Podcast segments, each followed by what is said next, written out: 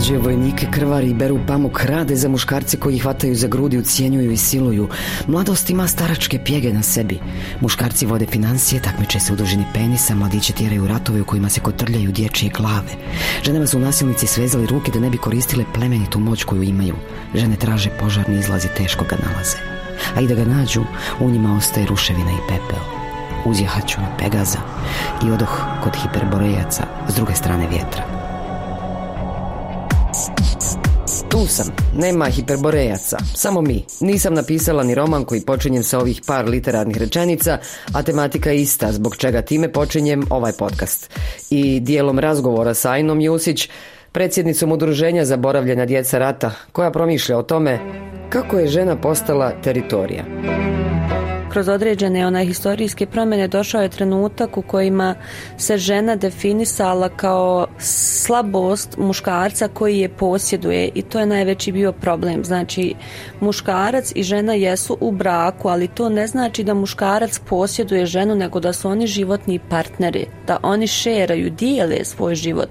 I u momentu kada je žena postala teritorija koju muškarac mora da čuva od drugih, u tom trenutku je postala teritorija preko koje se muškarac pobjeđuje. Zato smo imali sindrom od Ruande, evo i Bosni i Hercegovini i raznih ratova Sirije, Palestine, svega što se danas desilo jeste da se silovanje, odnosno uništavanje ženskog roda jedne određene grupacije koristi kao najmoćnije i najjeftinije ratno oružje. Samo zato što Uh, unutar tih strategija postoji činjenica da će se osramotiti muškarac čiju ženu siluješ, uh, opet pogrešno. S druge strane, da će silovanjem te žene da rađaju djecu koje pripadaju drugim etničkim grupama, suprostavljenim etničkim grupama i na kraju dana imate činjenicu da, nažalost, u, u ratovima ovim novim koji se desili Bosna, Ruanda, Uganda i ostalo, koristile se žene kao naprosto objekat seksualne zabave. I to je nešto što je kroz historiju do dan danas najveća greška svih onih koji su se usudili da u nekoj knjizi napišu da žena koja se uda za muškarca da je otad njegovo vlasništvo jer ona je prije svega svoja i ne može niko tek tako da je posjeduje. Žene rađaju i vaspitavaju i žene i muškarce. Žene posjeduju taj lijepi i krucijalni dio u kreiranju pojedinca i društva, ali je realizacija te vrste moći oduzeta kroz vijekove u kojima su silom nametnuti primitivni rodni odnosi. Više nije tako i neće biti tako. Ja sam Leila Omeregić-Ćatić i čvrsto vjerujem da promjene počinju od nas samih. Ovo je jedno sasvim drugo vrijeme u kojem je sve veći broj hrabrih i samosvjesnih žena. Vrijeme u kojem je sve veći broj muškaraca koji se ne rukovode silom i nego umom i ljudskim osjećanjima, čija podrška je neophodna. Ali, nažalost, nasilnika ima još uvijek u velikom broju i žrtve još uvijek nemaju dovoljnu podršku društva. U ovom trenutku, dok radim podcast, više je od 4000 svjedočanstava žena na Facebook grupi nisam tražila.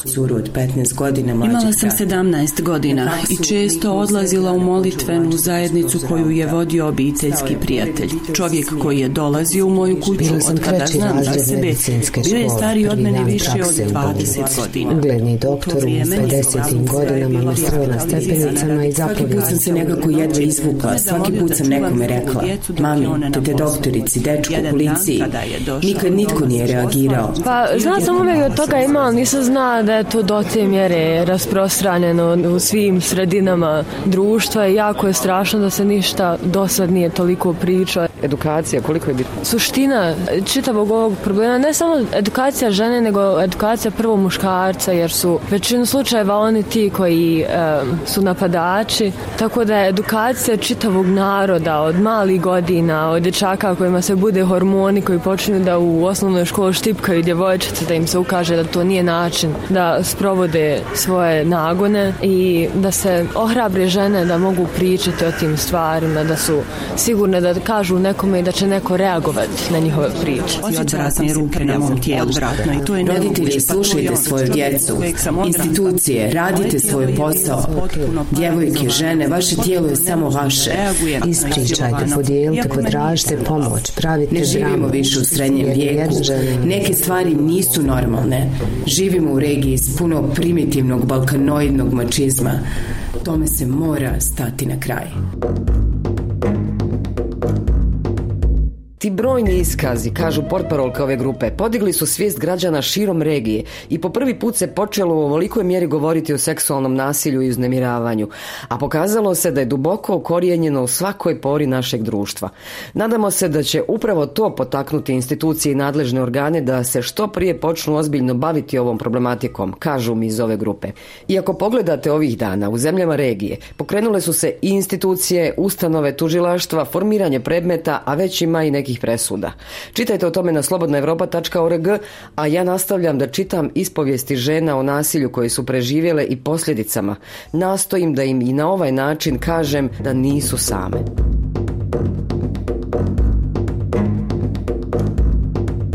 Sve se to dogodilo u srpnju 2018. godine. Obiteljski prijatelj tada je imao oko 58 godina kada me je silovao, a ja nepunih 15. Kada se to prvi put dogodilo nisam znala što da radim. Nisam nikom mogla ništa reći jer sam se bojala pošto mi je zaprijetio, a i bilo me sram. Mislila sam da je tome svemu kraj, ali nije. Za par dana se počeo javljati, pisati mi ljubavne poruke, zatim sam se morala početi viđati jer je zaprijetio da će napraviti nešto mojoj obitelji. Kako je vrijeme prolazilo, počeo se javljati mojim prijateljima i prijatelji su me jednostavno napustili, ali nisam nikom ništa mogla reći. Kada sam ostala sama, bez prijatelja, on je postajao sve više i više nasilan. Krenuo me tući, par puta mi je prislonio pištolj na čelo, jedno mi je strgao ruku. Morala sam uslati svoje intimne slike i videa koje je objavljivao po internetu. Par puta me je nudio svojim prijateljima koji bi mu plaćali. Cijeli taj teror trajao je do kraja siječnja 2020. I nakon toga se javljao i prijetio, ali nisam više bila ni fizički ni psihički u mogućnosti izdržati. Mojim roditeljima sam tek rekla u svibnju 2020. Moji su me molili da ga prijavim, ali nisam mogla, nisam bila u stanju, a prijetnje su bile sve lošije i lošije, počeo je prijetiti da će me ubiti. Mojima sam rekla za to i mama me je uspjela nagovoriti da prijavim. Tek tada sam skupila snagu i hrabrost i otišla prijaviti. Optužen je za pet kaznenih dijela, a ja postala žrtva trgovine ljudima. Pušten je da se brani sa slobode nakon svih dokaza i svjedoka, te zaprijetio da će poubijati cijelu obitelj. Nikomu ništa ne može, pošto je bivši policajac, ali ja se više ne bojim, a i ne sramim se. Nisam kriva za to. To su razne vrste nasilja koje žene preživljavaju od doba kada su djevojčice, pa djevojke, pa žene i možda ih se ostavi na miru samo kada ostare jer više nisu seksualni objekat koji kod nekih muškaraca, koje zbog toga nazivamo predatori, izaziva životinski poriv. A i tad ima zabilježenih najmorbidnijih slučajeva zlostavljanja i silovanja.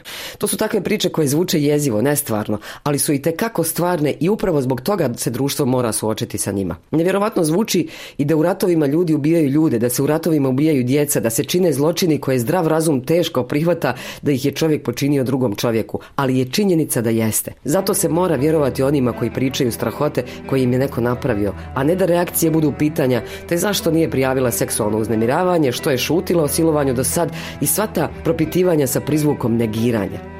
Bolje će to objasniti psihologica Sandra Muratović. To zašto, znači reakcija okoline je krucijalna, je faktor koji je možda najbitniji u svemu. Jer ako okolina, ako, ako u ovom slučaju socijalne mreže reaguju negativno na ispovijest, na svjedočenje žrtve da je silovana, da je, da je žrtva nasilja, bilo kakvo, šta očekivati onda, ako će sljedeći i šta reći, ili ako čak i prijavi žrtva nasilja, pa onda, ne znam, radi administracije, radi absurdnog tog lanca prebacivanja odgovornosti sa institucije na instituciju ne dobije nikakav rezultat, ne zadovolji nikakvu pravdu.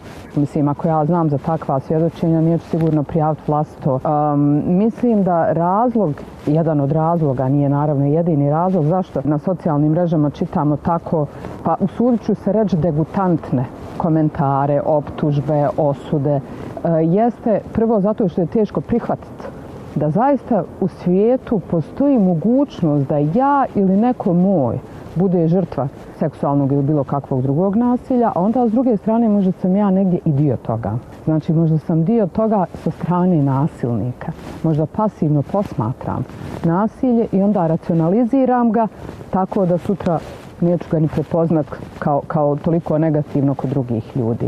A možemo i o fazama kroz koje prolazi traumatizirana osoba. Ako neko ne zna ili ne razmišlja o tome, neka se educira. Trauma bilo koja znači ima svoje faze i u principu koliko god mi željeli da znamo tačne faze kroz koje prolazi osoba koja je pretrpila neku traumu ipak je to sve prilično e, specifično za svakog pojedinačno. Međutim, vrlo često se odmah nakon samog čina nasilja dešava faza negiranja gdje osoba ne može, to su kao obrembeni mehanizmi koje mi koristimo, svi ih imamo, radi toga što, što ne mogu da prihvatim šta mi se desilo, ja potiskujem, guram po tepih, apsolutno ne mogu razmišljati o tome. Znači, a kamo li da pričam nekom?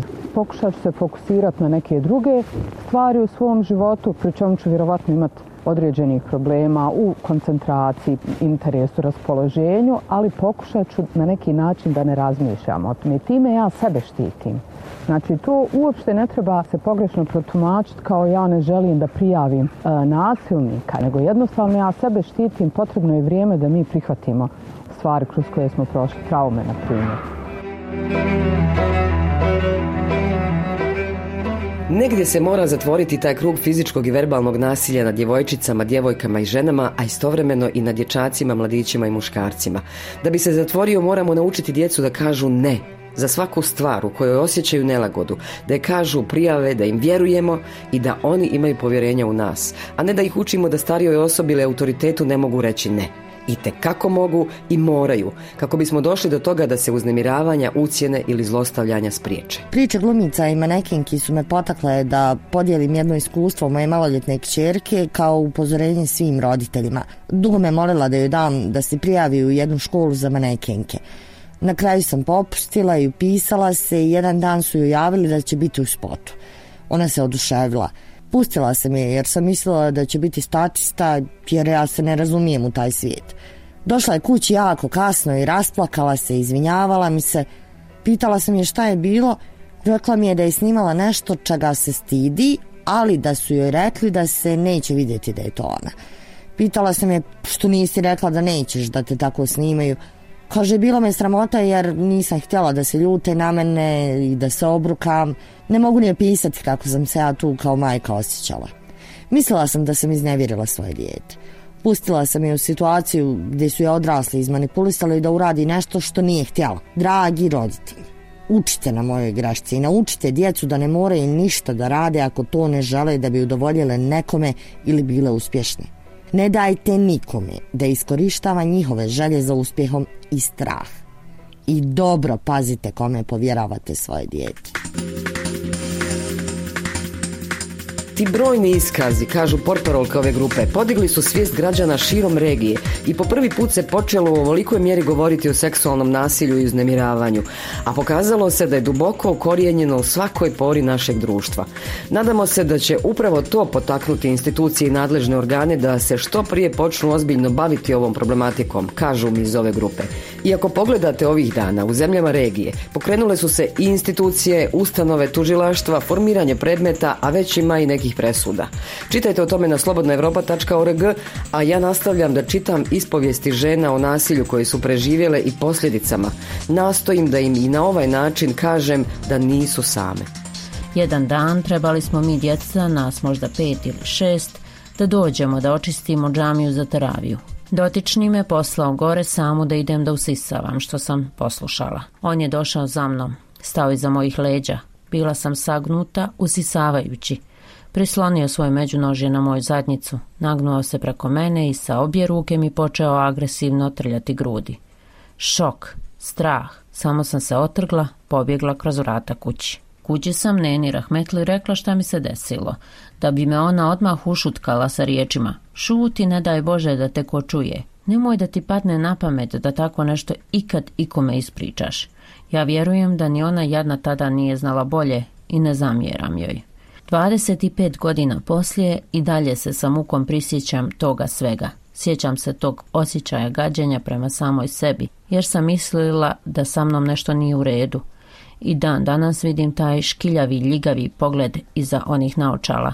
Sjedu kosu njegov uzdah na svom uhu. Voljela bih reći da je pravda zadovoljena, ali nije. On je umro sa ugledom hođe, ali moje traume su zauvijek ostale. Aleksandra Domuz Žerić je jedna od žena koja je doživjela i prijavila seksualno uznemiravanje na fakultetu 2008. Kao studentica treće godine prijavila je profesora kojim je izrečena pismena javna opomena. Ovaj profesor je kasnije preminuo, a afera u kojoj je bilo uključeno još nekoliko profesora nije dobila sudski epilog. Aleksandra poručuje da je važno educirati se i prijavljivati. Znači trebamo raditi na prevenciji i na poštravanju kaznene politike za zlostavljače. Djeci u, u preškolskoj dobi objašnjavati šta predstavlja to uznemiravanje, neki primjere način i onda naravno u školskoj, studentskoj, pa jeli, čitav život trebamo učiti. Mi smo stvari društvo koje tek počinje učiti o tome. Nikad se o tome nije prije pričalo. Možemo vratiti film, pa kad, razgo, kad sam razgovarala sa svojim kolekcijama, kad smo išli u osnovnu srednju školu, bilo je takvih tih situacija, ali niko to nije prepoznava. Ali eto ja kažem još jednom, zahvaljujući tome što sam prošla te neke radionce, koliko je bitna taj obrazovni aspekt, mogla sam to prepoznati i reći glasno, prozvati imenom prijezmenom osobu od kojih sam doživjela takvu, takvu vrstu ponašanja, recimo ja govorim ponašanja, ali to je bilo uznemiravanje, klasično seksualno. I želim ohrabriti sve djevojke, žene, muškarce da prijavi zlostavljača, apsolutno bilo kojem, jer uvijek ima neko ko će stati za vas, koliko god se činilo da je ovo društvo dno i da smo zatvoreni, postoje nevladne organizacije koje će stati iza nas i pružiti nam podršku.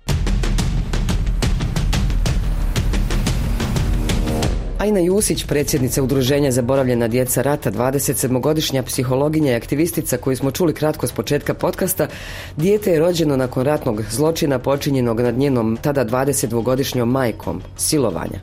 Ajna, heroina koja u sebi nosi jak osjećaj za pravdu za koju se snažno bori, kćerka još veće heroine, iz različitih aspekata priča o svom životu, životu svoje majke, položaju žena koje doživljavaju nasilje, otvoreno, jasno, uz brojne primjere i nudi rješenje. Moment u kojem sam ja za svojih 15 godina saznala da je moja majka preživjela, nekako je moj svijet potpuno se promijenio. U mojoj glavi su postojala dva pitanja. Da li me majka mrzi i da li ja nju svaki boži dan podsjećam na to, jer ja do svoje 15. godine sam razmišljala jel tata umro, jel tata otišao i mogla sam sve da u životu pretpostavim da će mi se desiti, ali da saznam da mi je majka preživjela silovanje, to nikad. Tako da taj trenutak u kojem sam to saznala je nešto, tu bol sam skoro pa jednako osjetila neki dan kad je izašla stranca, nisam tražila. Toliko me boli što smo proveli 25 godina u društvu zatvorenih očiju negdje znajući da, da nasilje postoji da nismo na vrijeme reagovali. A sad evo smo u, u, u trenutku u kojem smo svjesni da silovanje koje se dešava na fakultetima je silovanje koje naši roditelji plaćaju. Došli smo u momentum kad roditelji plaćaju da im se djeca siluju. To nije u redu i to me boli. I moja majka je davno rekla ono što sam ja preživjela kao djevojka od 22 godine to silovanje to me manje je boljelo u odnosu na ovo što mi je društvo radilo, a društvo me zvalo pogrdnim imenima, odbacivalo, pljuvalo, nije me htjelo zaposliti, nije htjelo dati stipendiju mom djetetu i evo ovo se sad isto ponavlja. Naprosto komentari koji ljudi trenutno govore o njima, a to je da je ona nosila neku kraću suknicu, da je ona, ne znam, malo razvijenija, da je sama kriva, da je tražila ona, mislim, nemoguće mi je da živimo u svijetu gdje nam je ok da nam se djeca siluju i da na sve to kažemo da sta djeca kriva, nisu kriva. Pitanja koja se često postavljaju od kako je pokrenuta grupa Nisam tražila, onako čini mi se zlonamjerna, je zašto to nije prijavila ranije? Uh, moja majka je meni krila istinu punih 15 godina zato što se bojala upravo moje reakcije s obzirom da ona prethodnih 15 godina živjela uh, u društvu koje je osuđivalo i njen logični prvi njena logična prva pomisa ok, ako su me svi ovi ljudi osuđivali među tim ljudima je odrasla moja ajna da li će me moja ajna osuđivati? Isti sistem se desio s ovim svim djevojčicama. S obzirom da sve te žene sa grupe nisam tražila znaju kako je trenutno mišljenje. Generalni stavovi društva o nasilju nad ženama nasilju nad djecom generalno silovanju one su naprosto morale šutiti a između ostalog ko je izmislio vremenski period u kojem žena mora iskazati da je preživjela silovanje. Nije njoj neko dao žvaku na ulici za Boga, njoj je oduzeto dostojanstvo, njoj je oduzet život. Znači, to su žene koje naprosto su samo primorane da preživljavaju, rijetko koja od njih može poslije normalno da živi, jer je to jedan pečat koji nosiš. Evo ja nisam preživjela silovanje, nisam preživjela nikad, hvala Bogu, nikakvu vrstu seksualnog uznemiravanja. Moja mama jeste, ali je to teret koji ja nosim s njom. Ko nosi teret s ovim sad djevojčicama, s ovim sad djevojkama? I one su šutle jer je bilo strada da kažu porodici. Moj djed Rahmetli prvi kad je saznao da je mama silovana istjero iz kuće. Ne živimo mi sad u nekom super svijetu, mislim živimo u svijetu gdje postoji sramota i gdje postoji ono šuti samo da narod ne zna ili samo šuti nek se ne puca. Pa ne možemo živjeti tako cijeli život jer mi dok šutimo, tamo imate u, u pozadini svega toga čujete krikove svakog silovanog djeteta. Pa sad hajmo, hoćemo birat, hoćemo šutiti, slušati krikove silovane djece ili ćemo govoriti, govoriti o tome, poštovati te ljude, dati im podršku pa da završimo s tim plakanjem. Pretpostavljam da si razmišljala o tome zašto dio društva tako reaguje, zašto dio društva negativno reaguje i neće da prihvati kao istinu, neće da prihvati nečije svjedočanstvo, e, po, eto, sama si pomenula porodicu, pa nadalje. I za svakog oblika govora mržnje, za svakog oblika stigme i diskriminacije postoje predrasude koje se stvaraju iz jednog općeg neznanja. E, kada se završio taj rat u Bosni i Hercegovini, e, bez obzira kojoj strani su ljudi pripadali u tom trenutku, ova država je ljude sve ostavila same. Znači nije bilo bitno je neko Srbin, Hrvat, Bošnjak, svi su ljudi ostavljeni sami da se sami snalaze i da se sami brinu. Koliko oštećenih porodica, koliko uništenih porodica, koliko si silovani žena, sve te ljude je sistem ostavio da se bore. Moja majka je nakon toliko godina, tek 2006. godine dobila bilo kakav oblik prava da nešto kaže na to. Međutim, ono što se nikad u Bosni i Hercegovini nije uradilo, nije se uradila reforma obrazovanja. Mi danas živimo u svijetu gdje imamo tri knjige historije, gdje naša djeca odrastaju u svijetu lažnih heroja i gdje naša djeca naprosto odrastaju u svijetu sramote. Sramota kao koncept ne postoji. Sramota je mehanizam koji su ljudi izmislili da bi bili legitimni saučesnici tuđeg zločina da kažu eto ona je sama tražila. Vi kad gledate sve te objave, kad čitate objavu o silovanoj djevojci, najmanje se tu priča o počiniocu. Što ne pričaš o njemu? To je jedan, evo imali smo slučaj, čovjek 65 godina silovo djevojčica 14 godina i napisali medijski članak da on vršio obljubu. To nije obljuba, to je silovanje. Što ne pišete to pravim imenom? A kada se piše o, o, o ženama, onda ćete reći da je žena vaka, da je žena naka, da ne govorim to. Edukacija od, od malih nogu da prepoznaju šta je seksualno uznemiravanje, do onoga šta je seksualno zlostavljanje, to bi isto trebalo kroz školski sistem. Da, trebala kroz školski sistem, ali s druge strane ja lično poštujem i nekako cijenim tradicije koje su u Bosni uspostavljene. Međutim, jedan od najvećih problema jeste što iskreno iz moje neke perspektive roditelji jako malo pričaju s djecom o tim temama. Ja i dan danas kad gledam svojim očuhom neki film, ako je na filmu scena da se dvoje ljube, on će to prebaciti. Zato što su oni odgojeni tako. Oni su odgojeni po sistemu da se ne pita svašta, da se ne priča puno o tome. Odgojeni, mislim, naše djevojčice se odgajaju u sistemu kad dobije prvu menstruaciju, ne treba reći ocu, nego treba reći mami u suštini, ali je dobiti menstruaciju nešto kao žena normalno. I ja ne znam da li se ja sad trebam stidi što sam ja dobila menstruaciju, ja to ne trebam nekom reći. Znači, moramo pomjeriti svoje granice komunikacije, jer mi moramo shvatiti da je obrazovanje koje mi dobijamo u Bosni i Hercegovini jako loše, ali da se naši stavovi pravo puno formiraju na osnovu tog obrazovanja, znači pogrešne stavove formiramo, tako da su roditelji poroca trenutno najbolja korektivna mjera koju mi možemo uvesti, ali te roditelje, te ljude mora neko da edukuje. Ne možemo mi samo raditi edukacije na Marin dvoru u Sarajevu. Evo kad odete u Zavljoviće gdje moja mama živi 16 km na jednom selu, znači koji se zove Pašin Konak, tamo ljudi pola ovih stvari ne znaju, nije im nikad niko rekao. Trebamo, trebamo raditi znači edukacije i trebamo ohrabriti ljude da skidamo tabu sa, sa različitih tema. Kako u tom smislu osnažiti žene? Do onog trenutka kada bi došli u fazu jel, negdje ono, društva da ne padne muškarcu na pamet da digne ruku na ženu u bilo kojem smislu. Prva činjenica, evo ako se osvrnemo na porodično nasilje, postoji istraživanje koje kaže da žena većinom preživi osam ciklusa nasilja unutar porodice da bi se deveti put odlučila da ode. I svaki put kad smo radili ili kad su ljudi radili određena istraživanja, svaki put kad se žena pita zašto toliko dugo ostaješ u toj zoni nasilja, uvijek će biti njen odgovor zato što nemam gdje. A zašto ona nema gdje? Zato što kada gledate historijski razvoj u, u procesima obrazovanja, muškarci su uvijek imali prednost unutar porodce da se obrazuje. Znači, jednostavno ta patriarhalna opresija koja postoji, postojala i prije rata i tokom rata i nakon rata je ostalo. Žene, nažalost, nisu dovoljno niti ekonomski osnažene, odnosno stabilne, niti dovoljno obrazovane, jer naprosto se patriarhalnim ustrojima njihovo obrazovanje uskraćivalo. A isto tako, s druge strane, imamo činjenicu da danas kad govorimo o ravnopravnosti žena, danas žene puno toga postižu, ali zato žena sutra kada ode na razgovor za posao, prvo će je pitati ili planira biti trudna, ako planira biti trudna, nema posla. Stranica i grupa nisam tražila. Koliko može biti katarzična da bi se negdje stvari pomakle? Ovo je prvi put da, da smo mi na pravi način iskoristili medijske platforme, odnosno društvene mreže.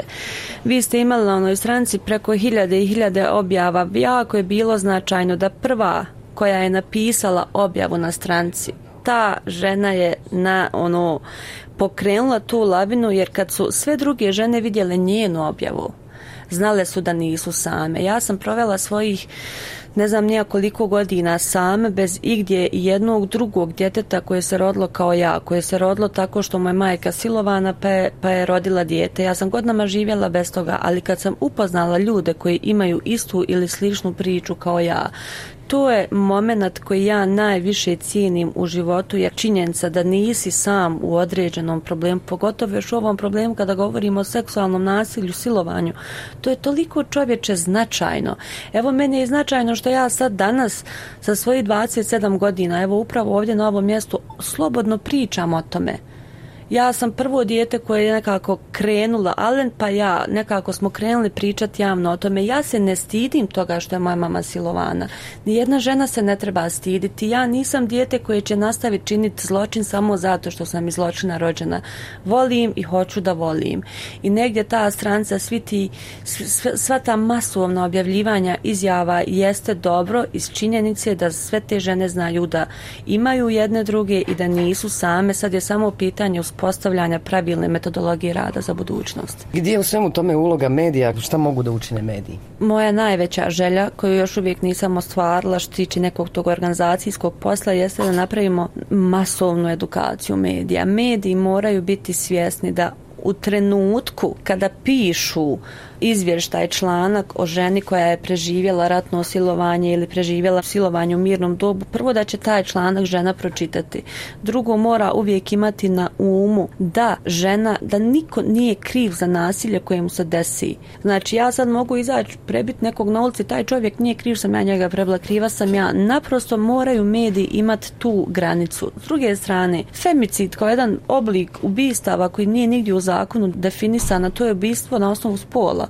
Vi kad gledate članke koji naši mediji pišu, muž ubio ženu zato što ga je prevarla. Koga briga što ona njega prevarla? Znači ti dok pišeš taj članak i pišeš taj naslov, imaj na umu da žena o kojoj pišeš ne diše više, a ti dok dišeš i to pišeš, dobro razmisli kako ćeš poruku poslati, jer je njoj život oduze, tebi nije. Piši o onome ko si je dao za pravo da oduzme nečiji život.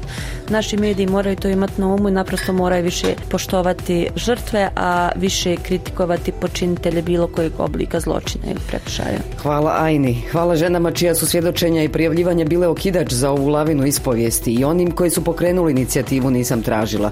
Mijenjat će se zakoni, mijenja se društvo i narativi. Neće stigma biti na žrtvi nego na nasilniku. Neće žena biti s djecom u sigurnoj kući, a nasilnik u njihovom domu, nego će nasilnik biti u zatvoru. Ne trpite seksualno uznemiravanje, kamoli nasilje. Ne trpite nikakvo nasilje. Niste same. Bio je to podcast Zip za vir ispod površine, jedan od onih zbog kojih mi se ne izlazi na površinu, jer ne mogu sa sobom da izvučem sve. Ali ipak vjerujem da sam dio karike do rješenja problema. Ja sam Lejla Omeregić Ćatić, slušajte me ponovo na slobodnaevropa.org.